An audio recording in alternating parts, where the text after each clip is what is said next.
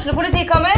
Ine Jansen er purk. Er du purk? The motherfucking bitch. Alt jeg vil, er å finne ut hva som skjedde med mannen min. Jon Carew. Er jeg sikta for noe? Iben Akeli. Det er du. Ole So, Lars Berrum og Big Daddy Karsten. Hvem sin side er du på, egentlig? Anette Hoff, Tone Danielsen, Kommer du fra Afrika?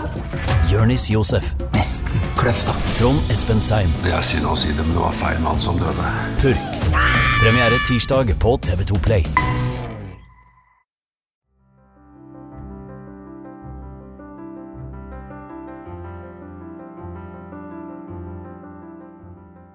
I dagens episode forteller Caroline Skarstein helt ærlig om det å komme ut av skapet på en veldig offentlig måte.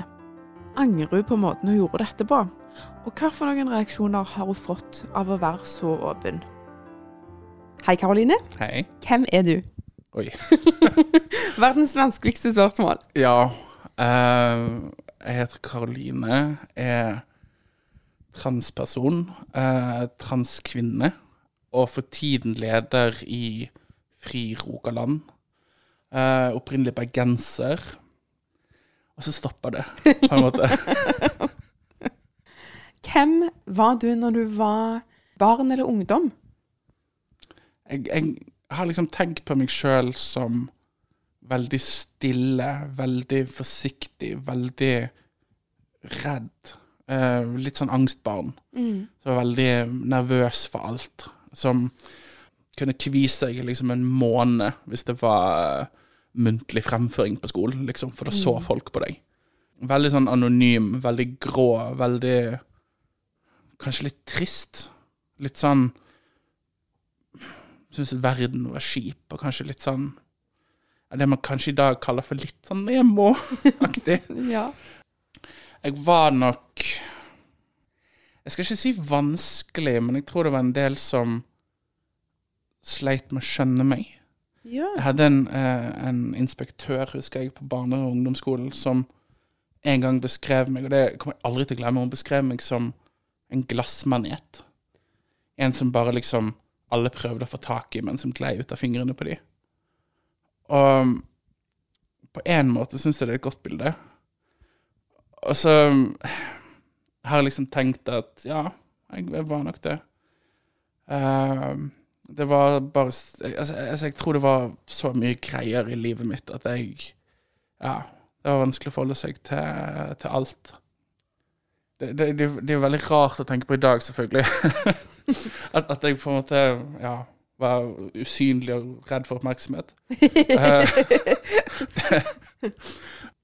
og, jeg vet ikke om det liksom Det er klart en del av det var bare sånn, kall det klein, pubertal, som mange av oss er. Det er vondt å være ungdom. Ja. Men så tror jeg òg at det er klart du kommer på et eller annet tidspunkt til å tvile på ting. Og begynner å lure på ting, og du kjenner på ting, og du eh, Sant. Og da blir ting veldig, veldig rart og veldig vanskelig. Så tror jeg at da blir det òg litt sånn vanskelig å føle seg trygg på andre. Når du er litt sånn ja, usikker på deg sjøl. Ikke helt vet hvor du skal plassere deg sjøl i verden. Ja, var det det som du gikk og tenkte på? Ja. Um, først så hadde jeg en sånn opplevelser av å finne ut at jeg likte uh, gutter. Og selvfølgelig gjennom alle disse um, Alle liksom prosessene av skam og prøve å skjønne hva det er. Og jeg lurte på liksom, Gud, var jeg homofil? Og jeg syns jo det var helt forferdelig å tenke på, liksom. Og så går det jo på en måte derfra til at du òg begynner å liksom lure på din egen kjønnsidentitet. Og så er det litt sånn Og så tror jeg man også skal huske på at dette er Hvor lenge siden kan det ha vært? 20 år siden. Man snakket ikke om trans på samme måte som man gjør i dag. Man hadde ikke det språket til å snakke om det, sånn som man gjør i dag. Sånn at det, det er klart at i dag så kan unge skru på nesten hvilken som helst TV-kanal, og så er det et eller annet TV-program om det. Uh, men, men den gang så fantes det egentlig ingenting. Man kunne, hvis man liksom visste hva man skulle se etter, finne noen liksom lukkede fora på nett der folk snakket om å være trans. Det var det. Var det. Um, sånn at veien ut nok, var nok mye lengre, sånn, fordi at du må finne ut av alt sjøl. Du må liksom gå gjennom alle de prosessene sjøl. Og så tror jeg det er òg noe med å hva skal jeg si, se deg sjøl i speilet og, og på en måte tenke at det kan hende du er sånn. Eh? Og så etter hvert så du begynner å tenke at det kan hende du er sånn, så er det kanskje en enda lengre vei for å faktisk akseptere og leve med at du er sånn. Som er Ja. Så eh, Jeg vet ikke. Jeg, jeg tror jeg, jeg har tenkt sånn, Hvis jeg hadde, hvis jeg hadde truffet meg sjøl i dag, Ja. så tror jeg jeg hadde Å, gud, jeg hadde irritert meg sånn over den personen. Altså sånn Jeg tror nok jeg var ja, sånn tverr og stille og negativ og liksom Mm. syntes at Ja.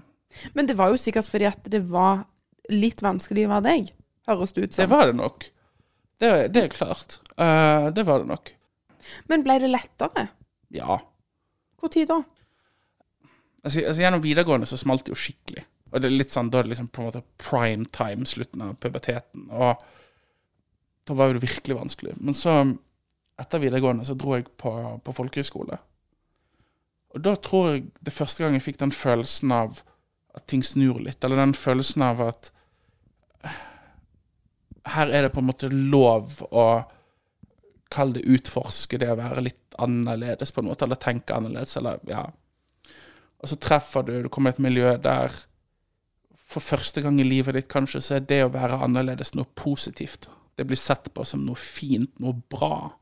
Jeg husker jeg hadde en fantastisk lærer den gang, som en gang kom til meg en kveld.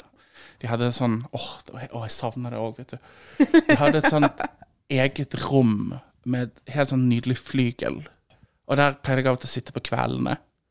Og, Og, spille? ja, ja. Og så um, kommer læreren min inn, og så sitter han og hører litt på oss. Når jeg var ferdig, så sier, spør han meg ganske sånn direkte om Ja, om ikke jeg liksom av og til fikk høre at jeg var annerledes. Og så var jeg litt sånn Sånn, Snakk om å Hva er det for spørsmål? ja, hvor har du hørt det hen, liksom? Nei, men så sier jeg at ja. Og så snakket han om at ja, han kunne kjenne seg igjen i det. Men så minnet han meg på, eller han sa at du må huske på at um, På den tiden så gikk jeg på en slags skrivelinje, skrivekunstlinje. Og så sa han at du må huske på at det er det som gjør deg annerledes, som også gjør deg interessant, for eksempel, for et forlag. Fin. Det å være ordinær, da kommer du ingen vei på den måten. Og jeg, og jeg har tenkt så mange ganger på det siden det, og jeg tror ikke han skjønner hvor mye på en måte den lille samtalen egentlig har betydd for hele livet mitt.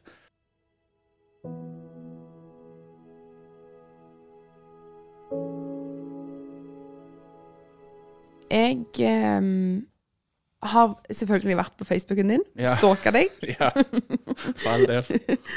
og da så jeg at du hadde lagt ut et innlegg på Facebook i 2015 Ja. om at Jeg scroller så langt tilbake. Ja! Jeg måtte langt. Oh. Og da var det et innlegg som jeg syntes var veldig sånn ryddig. Bytta navn, Ja. check. Uh, Skifta kjønn. Skifta kjønn, check. Uh, henvisning til Riksen, tror jeg. Check.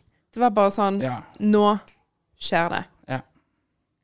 Når du la dette innlegget, var det sånn at du hadde snakket med mange og på en måte sondert terrenget og, og begynt å bytte navn, og folk kalte deg for Karoline og sånt? Eller var det bare sånn Nå skjer det?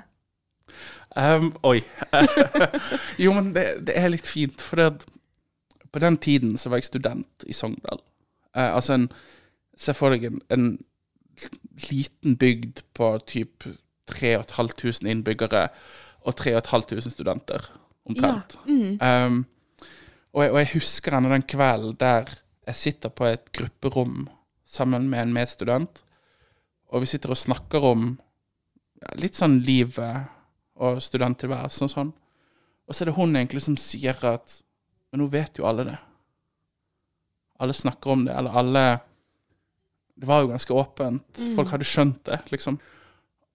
Og så kjente jeg veldig den kvelden at ja, hun har nok rett. For jeg, jeg hadde jo hørt liksom kommet noen spørsmål innimellom, og det kan være så enkelt som folk som spør deg hva de skal kalle deg. Um, og det har vært litt sånn rykter, litt sånn Jeg har hørt fra Eller jeg hørte fra venner om at de hadde fått spørsmål. Um, og så tror jeg den kvelden kjente veldig sånn at OK, jeg, kan ta, jeg må ta litt eierskap til det. Og um, kveld før, uh, egentlig, for det er på en måte offentlig innlegget er én ting, men så skrev jeg et innlegg dagen for der igjen, på en lukket gruppe for eh, studentgruppen min, for klassen min, der jeg òg sa det. Og da, da skrev jeg liksom en sånn At jeg har behov for å bekrefte og avkrefte noen ting. Én, jeg har ikke innledet et forhold med Tone Damli Aaberge. to, ja, jeg er i gang med en kjønnsprosess, liksom. Og så hadde jeg på forhånd sjekket at OK, dagen etterpå så skal vi ha forelesning i liksom den største forelesningssalen på hele skolen. Masse plass til å gjemme seg. Litt sånn Jeg har liksom forberedt alt det der. Ja, du visste liksom jeg skal sitte Ja. der. Alt lå til fred, unngå spørsmål, unngå liksom Mm. ja. Morgenen etterpå så får vi melding om rombytte. Nei. Jo. Så vi blir plassert på et lite klasserom istedenfor, der vi nesten må sitte på pultene til hverandre. Mm. Og jeg sitter Jeg kommer inn i det klasserommet, husker jeg, og jeg bare De blikkene Å, det var så intenst. Og jeg satt der gjennom første del. Så var det pause, og så tenkte jeg sånn Nå må jeg, jeg må bare ut. Jeg må bare nå, liksom.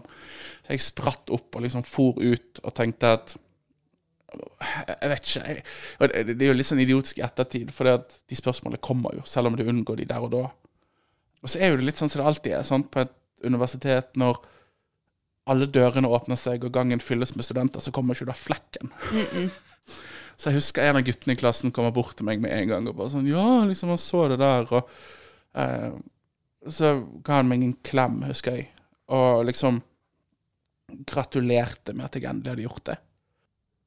Altså, jeg tror veldig få var overrasket. Eh, det hadde gått rykter, og på en måte så var det ganske greit. Litt sånn for greit, egentlig. Ja, altså, når du fikk den gratulasjonen, så tenkte jeg sånn herlighet. Ja, Var det, var det en sånn lettelse? ja selvfølgelig. Selvfølgelig var det det. Jeg tror jo og det, og det høres jo litt sånn ekstremt selvopptatt ut, og jeg, jeg er nok ikke den eneste som har tenkt det, men jeg tror En del har nok en sånn følelse av at når de kommer ut, så forandrer verden seg. Og liksom alt blir annerledes. Folk kommer til å se annerledes på deg, og folk kommer liksom Sånn at det blir et slags før og etter. Og det er klart ting forandrer seg, ja, men ikke på den måten som du kanskje frykter. Og jeg, hadde noen sånne eller, eller du får noen sånne opplevelser der du lurer på liksom Herlighet, har du gått rundt i så mange år og kvidd deg for det her?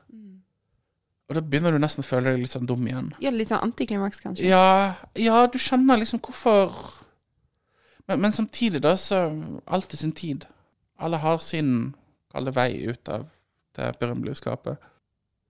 Og så skrev jeg det åpent dagen etterpå, og så tror jeg dagen etter der igjen, så satt jeg vel hos fastlegen min og ba om henvisning. Uh, og det var masse greier. Uh, så ting gikk veldig fort. Ting gikk stygg fort. Hva Men- mener du med det? Jeg tror i løpet av en uke så hadde jeg skiftet navn, uh, kjønn, fått henvisning. Uh, jeg tror det første intervjuet var i gang. Altså, jeg, Henvisning til. Rikshospitalet. Jeg tror ting Ja, det går veldig fort før liksom verden din er litt sånn Ja, ganske annerledes. Men samtidig fint, sant. Jeg, det er klart, jeg kom jo ut i et relativt lite studentmiljø der de aller fleste fikk vite det ganske kjapt, og der det er grenser for hvor lenge det er spennende, på en måte. Det, det som òg er gøy, når du skifter eh, juridisk kjønn, så får du nytt personnummer det gjør jo òg at jeg etter alle solemerker erklæres død som student. Seriøst? ja, du gjør jo det. Altså, Ja, for du forsvinner jo på en måte. Ja. Sånn at plutselig en dag når jeg kom til skolen og skulle liksom skanne dørkortet mitt for å komme inn, så kom jeg jo ikke inn. Nei! Jeg var jo slettet som student. Herlighet. Og var oppe i skranken og liksom prøvde å forklare liksom Nå her har det skjedd et eller annet. Og de drev og syntes jo dette var veldig underlig, og de var frem og tilbake. Og det var tre stykker som ble kalt, og de sto alle liksom lent over den PC-en. Jeg kunne ikke skjønne hvordan dette hadde skjedd. Det var jo helt forferdelig. Og så måtte jeg liksom Kan hende at det har noe å gjøre med at jeg har byttet personnummer. Liksom Å ja! sa de. Og da måtte jeg liksom forklare det, at jeg hadde liksom bytta personnummer og navn og kjønn og sånn. Å ja, det, det- var det greit? Så registrerte de det. Og så husker jeg jeg traff på rektoren min, bare liksom noen par timer seinere på vei inn i kantinen. Og da stoppet han litt sånn sånn Ja, jeg må få, jeg får, jeg må få lov å gratulere, da, sier han. Og så tok han meg i hånden. Og så så fin. Ja, ja, nydelig fyr. Så det var Men Karoline, jeg syns at det høres ut som at det å komme ut Mhm. har vært helt uproblematisk. Jo, men du, først får du en sånn euf eufori, sant. Fordi at du får en sånn enorm glede over at det går greit, på en måte. At folk tar det relativt fint, at ting er OK. Sant? Og det, det tror jeg tar veldig mye Altså, det tar for stor plass i livet ditt, og den, den euforien. Og så, etter hvert, så er det klart, så begynner du å kjenne at OK, det er ikke alle som nødvendigvis er like positive. Og så um, tror jeg du får en litt sånn sorg over deg òg. For du på en måte skjønner at OK, ja, alt som har vært vanskelig, er ikke over, på et eller annet vis. Og så husker jeg på det tidspunktet så ringte Sogn Avis. Og liksom hadde, ja, de hadde fått med seg dette her og lurte på om liksom kanskje jeg var interessert i mm, kunne snakke om det her. Og jeg var ikke interessert i det hele tatt. Det var jo liksom utenkelig. Ikke tale om, liksom. Og Krono ringte og ville snakke om det, og jeg var ikke Nei. Var ikke, var ikke snakk om. Sånn at livet ditt blir litt sånn litt sånn brutalt, for plutselig så skal du ha de første timene på Rikshospitalet. Jeg begynte å nærme meg liksom eksamener og bachelorskriving. Du skal eh, prøve å på en eller annen måte ivareta deg sjøl oppi at plutselig så skal journalister snakke med deg fordi at det du er, er tydeligvis såpass annerledes, liksom. Så det blir litt sånn Ja, litt vanskelig.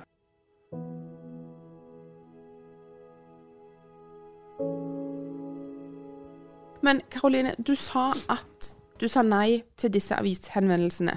Ja, første runde. Ja, fordi jeg har jo allerede Jeg har jo sett de artiklene Ja du da, de finnes. Så, så på et tidspunkt så sa du ja. Ja.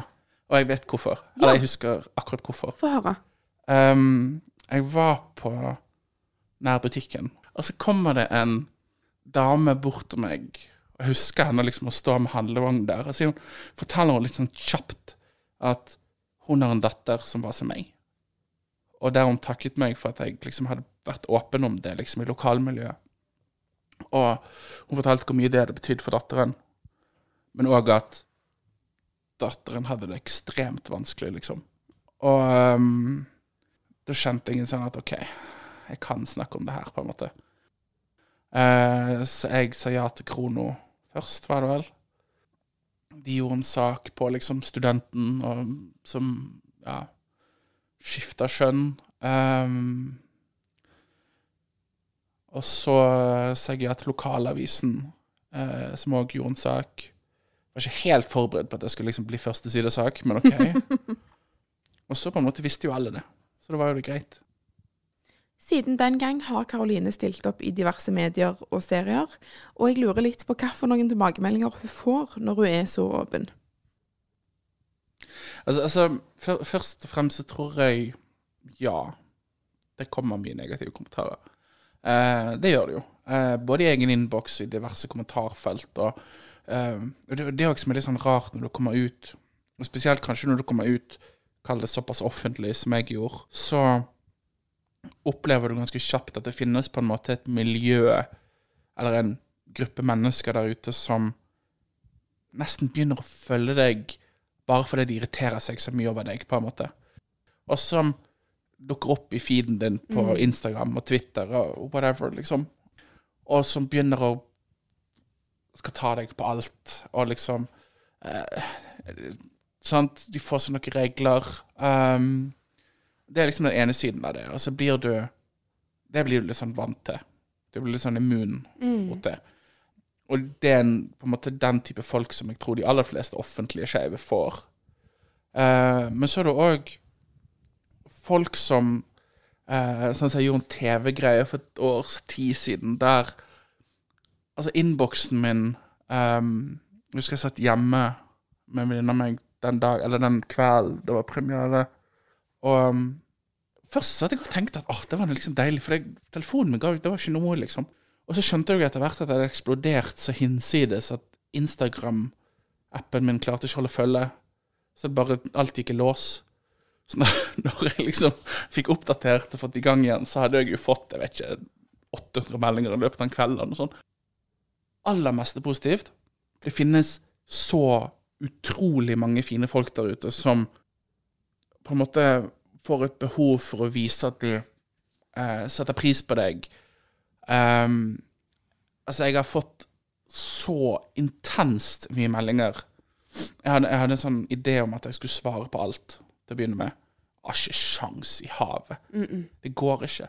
Og folk skriver lange meldinger der de òg forteller om kanskje skeive som de kjenner, og de er kanskje barn som går gjennom det samme. Og altså Det er virkelig helt sånn intenst fint. Men så er det klart, så får du òg meldinger fra folk som og no, Noen ganger kan jeg ta meg sjøl og tenke at, at, de kan, at, at, man kan få seg til å skrive sånne ting til en fremmed. Altså sånn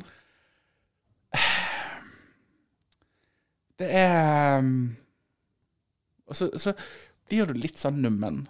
Ja, for, for blir du liksom Du sa jo Men blir du liksom immun noen Ja. gang? Du blir jo på en måte immun. Du blir Kall det immun mot enkeltmeldinger. Du blir ikke nødvendigvis like immun mot kall det det sånn totale trykket. Og det kan du kjenne på av og til. Og jeg kan av og til bli litt sånn trist og lei meg over å bare kjenne at OK, det her er livet ditt. Det her er noe du bare må forholde deg til. Um, det kan du bli litt sånn tungsinnig av av og til. Altså Det òg gjør jo kanskje at du For det, det kan jeg kjenne på av og til òg, at jeg, jeg, sliter med å ta til meg alle de gode meldingene. Eh, kanskje òg fordi det er så mange av de. Så, sånn at, og det høres ut som verdens verste luksusproblem å klage over, men, men, men det er noe med at det blir til dels veldig sånn polarisert òg, livet ditt, der folk er enten ekstremt støttende og positive og fine og varme og full av kjærlighet til deg, eller ekstremt negative. Og da er det litt sånn vanskelig å forholde seg til begge deler, tror jeg. Og så bare ja, prøver du å finne en eller annen middelvei i livet ditt, og ja.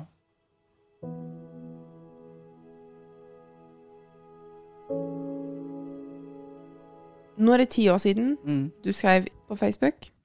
Eh, jeg så på Instagram at du skrev at noen ganger så angrer du Mm. på måten dette skjedde på. Måten du kom ut på. Kan du fortelle meg litt om det? Jeg hadde en sånn idé fra starten av at Twitter Det skulle være min sånn upolerte, 100 ærlige, åpne versjon, på vis. Og det tror jeg nok selvfølgelig at Det, det har jo òg bidratt selvfølgelig at jeg har fått den oppmerksomheten jeg har fått, sånn, for journalister er veldig glad i å følge opp Twitter. Men så har jo Twitter blitt forferdelig. Så nå har kanskje Instagram fått mer den rollen for meg. Sånn at det er viktig for meg òg å prøve å vise begge sider, på en måte. Og faktisk òg snakke om den angeren, på et vis. Eh, og jeg har, jeg har skrevet om den angeren en gang før òg, og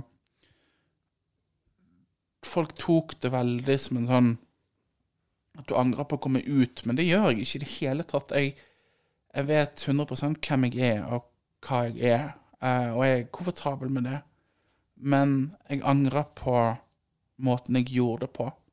Jeg angrer på Og jeg skal ikke si at jeg angrer på at jeg sa ja til de journalistene heller, men jeg skulle ønske at jeg kanskje fikk mer tid på meg. Jeg skulle ønske at jeg fikk mer sjanse til å lande i meg sjøl på et eller annet vis. Så, så ja, jeg, jeg, har kjent mye på det, at jeg har angret på måten jeg har kommet ut på, eller jeg har angret på at jeg ikke har tatt var, bedre vare på meg sjøl eh, gjennom det. Eh, og det er klart, noen ganger så er det intenst. Og jeg kan fortsatt liksom kjenne på den der at noen ganger så har du bare lyst til å gå alene på gaten uten at folk skal Sant? Det, det, det er noe med det òg. Det er jo hele tiden når du hele tiden går og tenker på den frykten, eller du kan kjenne på Hvis du skal et eller annet sted, så begynner du å forberede deg bare i måten du gleder deg på, i måten du mm. sånn, Hva på en måte kollektive reisemidler du bruker, på en måte. Altså, livet ditt blir veldig sånn opphengt i å prøve å unngå den type oppmerksomheten.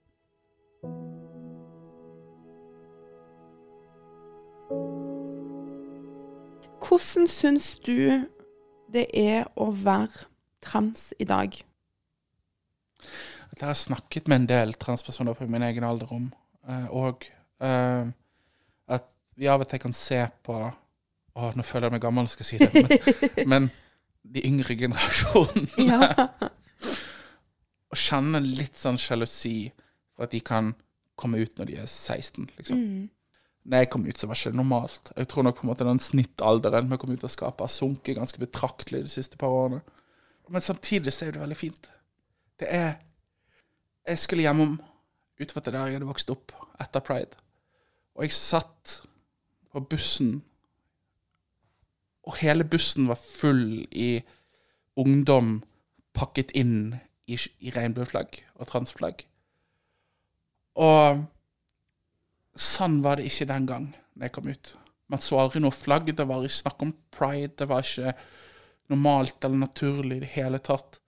Men det å sitte der og kjenne at det var som verdens mest naturlige ting fordi Altså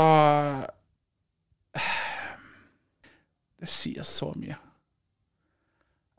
Og jeg har truffet gamle lærere som jeg hadde den gang, som òg forteller om hvor annerledes ting er. De skjønte det ikke den gang.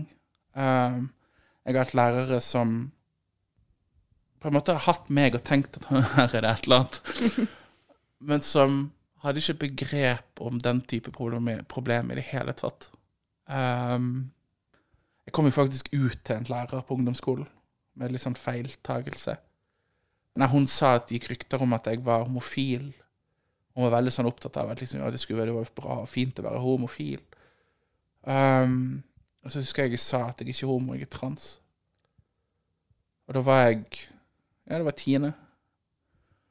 Og um, jeg husker hun reagerte med at 'Å, nei, det, dette vet jeg ingenting om'. Og så snakket vi ikke om det mer. Og så fikk jeg høre en del år etterpå, der jeg blir kontaktet. Da hadde jeg begynt å liksom snakke om trans i mediene. Uh, og så blir jeg kontaktet av en ung transgutt som forteller at liksom, han hadde fått vite at jeg gikk på samme skole, hadde gått på samme skole som han gikk på. Og han syntes liksom det var stas, da. Og så snakket vi litt om det. Og så viste det seg at han har samme lærer som jeg hadde den gangen, som ikke skjønte noe om dette eller noe sånt. Og um, han fortalte hvor mye hun hadde betydd for han i forhold til å komme ut. Og i forhold til å liksom skape en trygg skolesituasjon og jeg husker jeg snakket med hun. Hun tok kontakt med meg sjøl og skrev melding til meg om at hun hadde liksom sett meg rundt omkring, og at hun ble så stolt hver gang. Og så fortalte hun at den gang noen hadde svart det, at dette kan hun ikke noe om, så hadde hun angret så hinsides etterpå.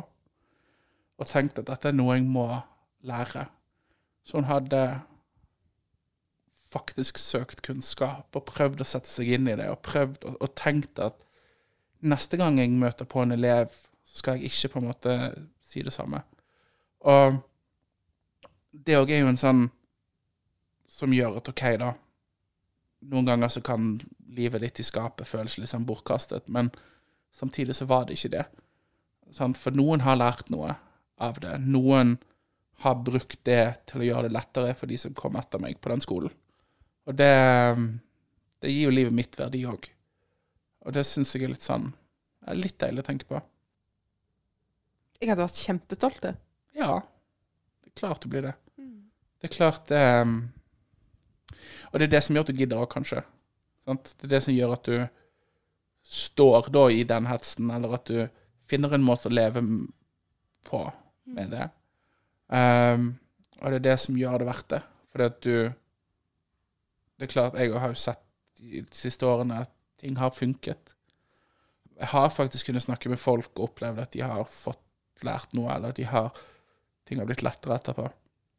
Jeg får f.eks. en del henvendelser fra studenter, eh, blant annet veldig mye journalistikkstudenter. Og jeg vet veldig mange transpersoner irriterer seg over det, og syns det er litt sånn slitsomt.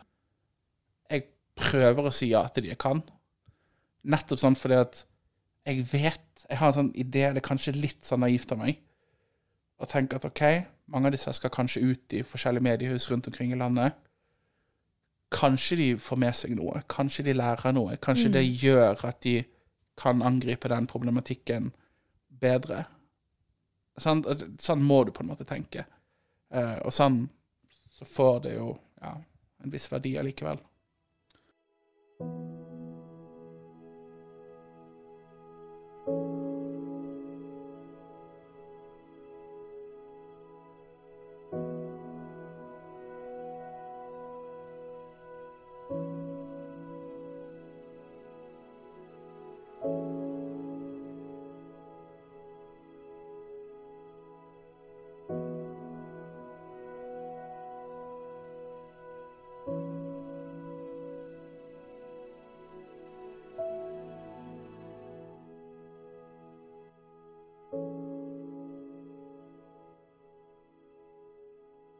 Har du et enkeltpersonforetak eller en liten bedrift? Da er du sikkert lei av å høre meg snakke om hvor enkelt det er med kvitteringer og bilag i fiken, så vi eh, gir oss her, vi. Fordi vi liker enkelt. Fiken superenkelt regnskap.